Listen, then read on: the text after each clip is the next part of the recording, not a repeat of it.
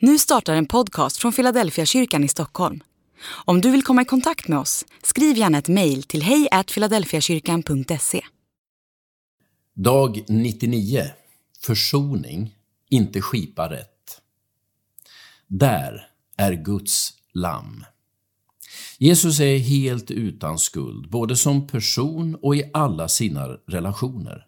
Ändå dör han en död som bara de allra grövsta brottslingarna dömdes till. I detta finns en konflikt som djupast sett har med Guds allmakt att göra. Hur kan Gud tillåta att en helt oskyldig människa dör en så förnedrande död? Om Gud är god borde han gripa in och sätta stopp för eländet. Så resonerar i alla fall några av Jesu fiender på galgbacken. Andra har han hjälpt, sig själv kan han inte hjälpa.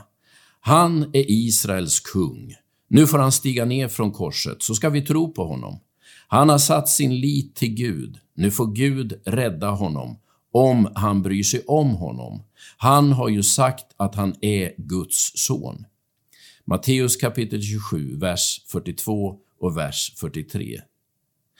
Det är som om man använde Jesu död som det slutliga testet på om Gud var på hans sida. Om Jesus verkligen är oskyldig måste väl ändå Gud rädda honom? Men om Gud inte griper in måste det vara det yttersta beviset på att Jesus är skyldig. Men Jesu lidande och död följer inte den självklara logiken. Gud är nämligen inte ute efter logik eller rättvisa, utan något mycket större och kostsammare. Gud är ute efter försoning.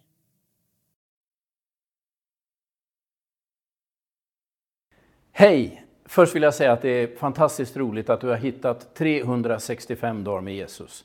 Och jag hoppas att det där verkligen har betytt någonting för dig. Vi har fått rätt mycket feedback från er som tittar och vi har funderat på hur gör vi för att ta det här ett steg till? Vi har nu bestämt att vi ska starta Philadelphia online. Det vill säga en community där du kan få del av våra gudstjänster, av bibelstudier, av poddar, av sådana här typer av böcker som vi ger ut. Det kommer att kosta 99 kronor i månaden för att täcka produktionskostnader. Men för de 99 kronor i månaderna så kommer du också vara med och stödja ett av våra mest behjärtansvärda missionsprojekt. Ett barnhem i Gakwende i Burundi för de absolut mest utsatta barnen.